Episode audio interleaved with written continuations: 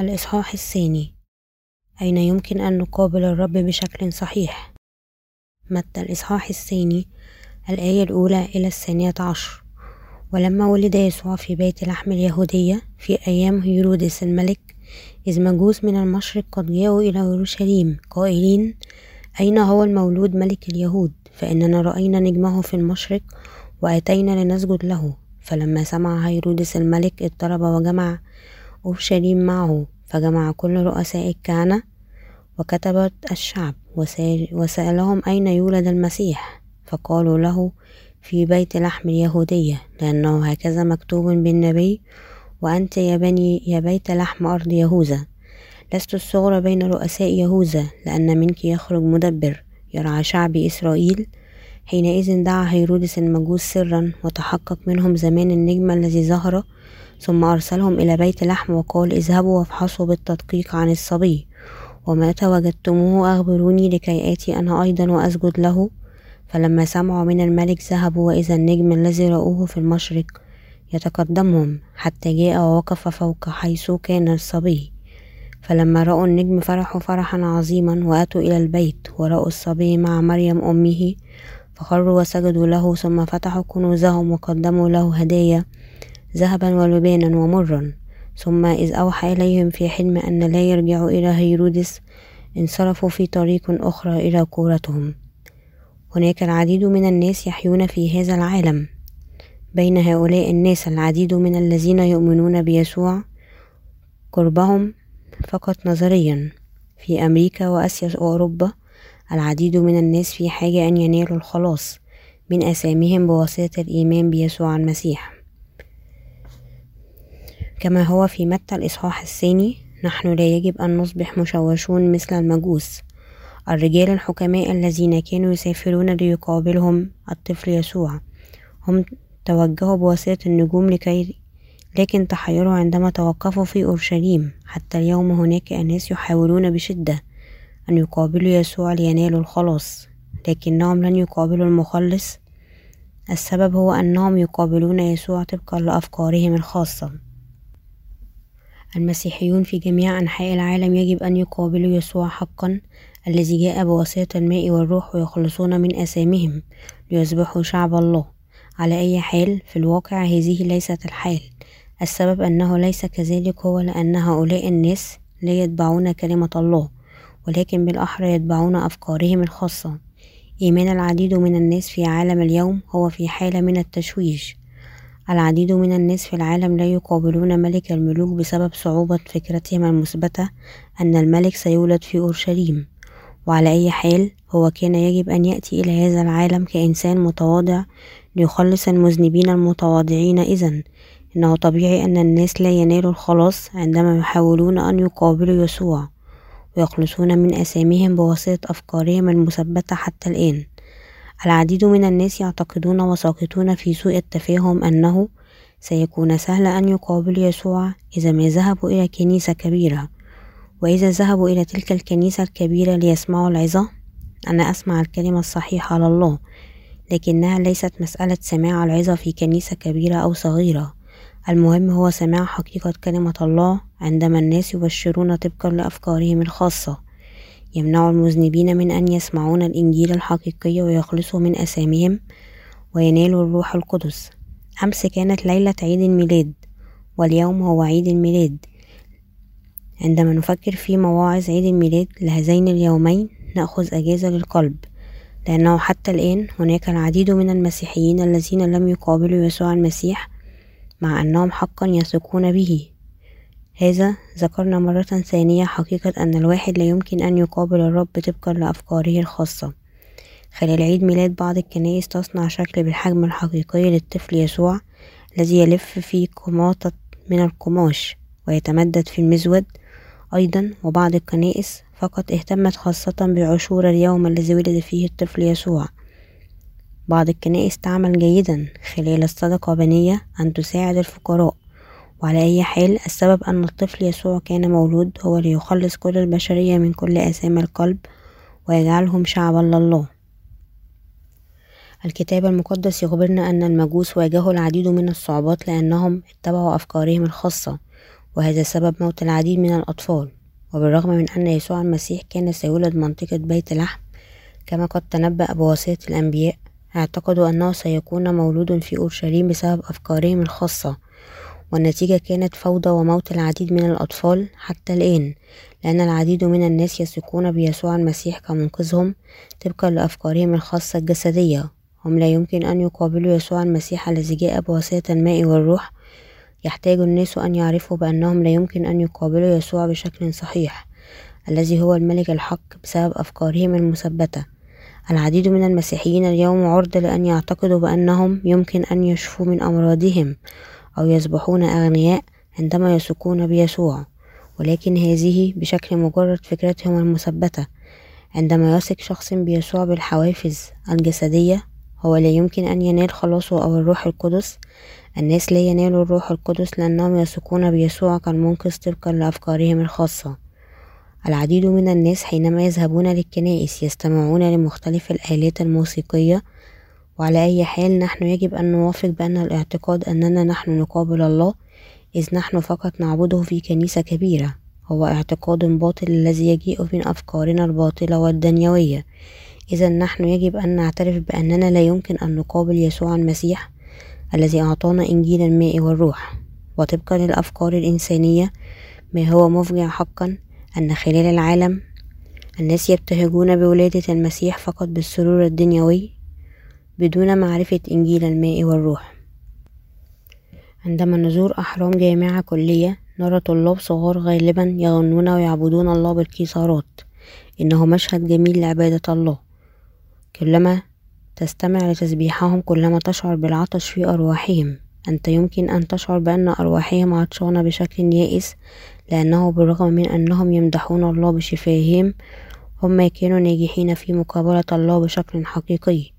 حتى إذا هم قد أرادوا بشكل متلهف على أي حال رغبتهم أن يقابلوا الرب بدون إنجيل الماء والروح لا شيء أكثر من رغبة مع أنهم يقولون أنهم يثقون بالله هم يطلبون الله كمذنبين حيث أنهم ما وجدوا إنجيل الماء والروح.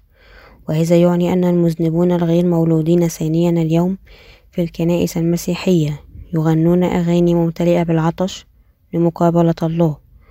وعلى أي حال الناس الذين يثقون بإنجيل الماء والروح يقدمون عبادة ممتلئة بالشكر حيث أنهم قد قابلوا الرب الذين قد حمل كل آثامهم وخلصهم.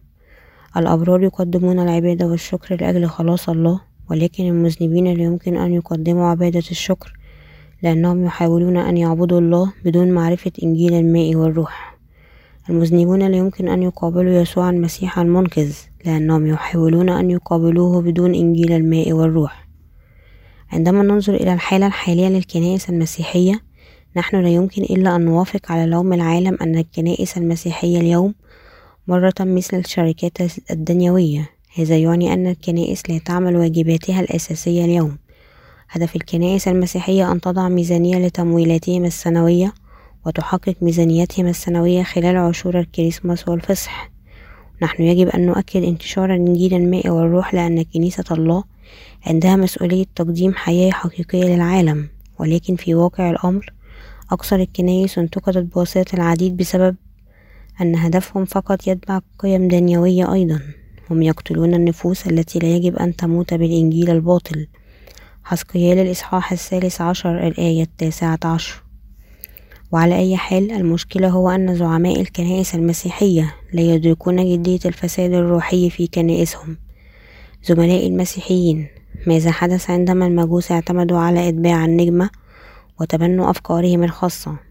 هناك كان تشويش كثير فشل المجوس في أن يقابلوا يسوع بطريقتهم في بادئ الأمر لأنهم اتبعوا أفكارهم ولكن بعد ذلك تحولوا عن أفكارهم وبحثوا عن يسوع مستندين على كلمة الله وقابلوا يسوع المنقذ أخيرا بشكل صحيح. في الكتاب المقدس المجوس كانوا قادرين أن يقابلوا الطفل يسوع بشكل صحيح لأنهم سألوا الكتاب والكهنة واتبعوا النبوات التي قد كتبت في الكتاب المقدس وذهبوا لبيت لحم.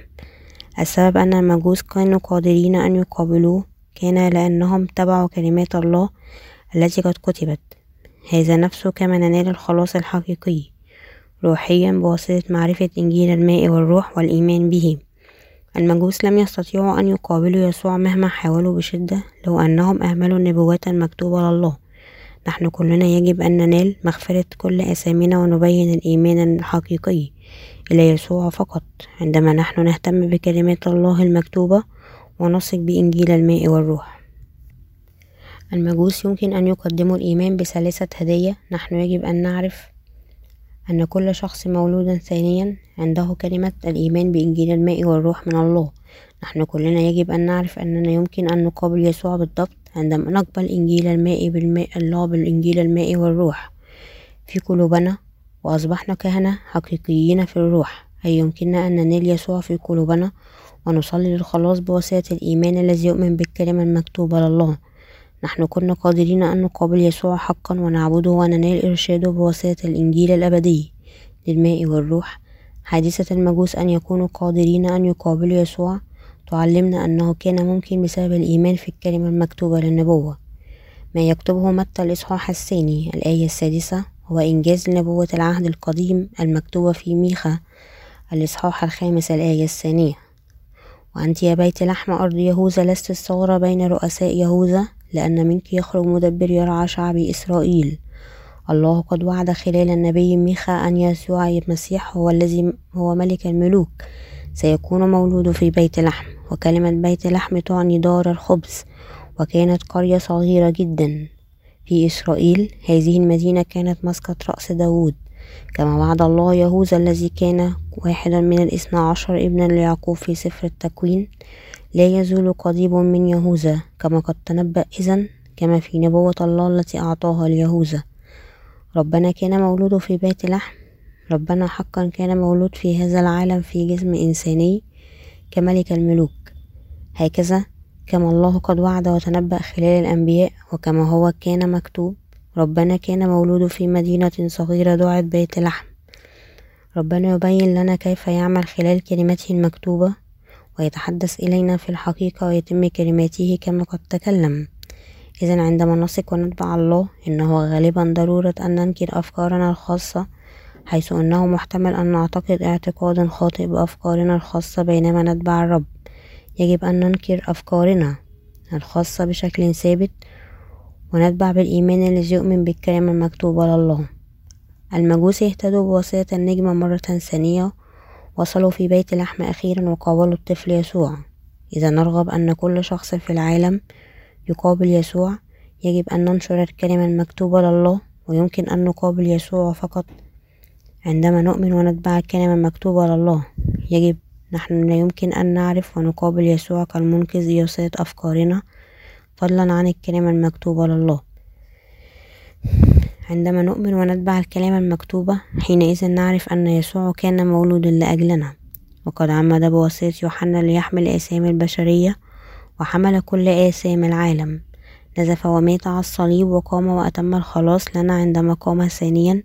هذا هو الطريق الوحيد الذي به نحن يمكن أن نقابل يسوع. ملك الملوك لهذا نحن يجب أن نثق بيسوع خلال الكلمة المكتوبة لله وإنجيل الماء والروح لكي نقابل يسوع المنقذ. نحن يجب أن نتذكر بأننا لا يمكن أن نقابل يسوع المنقذ ما لم نؤمن بالكلمة المكتوبة. كل الهدايا الثلاثة الذهب واللبان والمر كانت ثمينة يمثل نبات المر الكلمة الثابتة لله. وإذ نحن ليس عندنا كلمة الله الحقيقية نحن لا يمكن أن نثق بيسوع أو ننال إنجيل الماء والروح. وإذا المجوس قدموا فقط هديتين من الذهب واللبان هم سيكونون لا شيء أكثر من الرجال الدنيويين.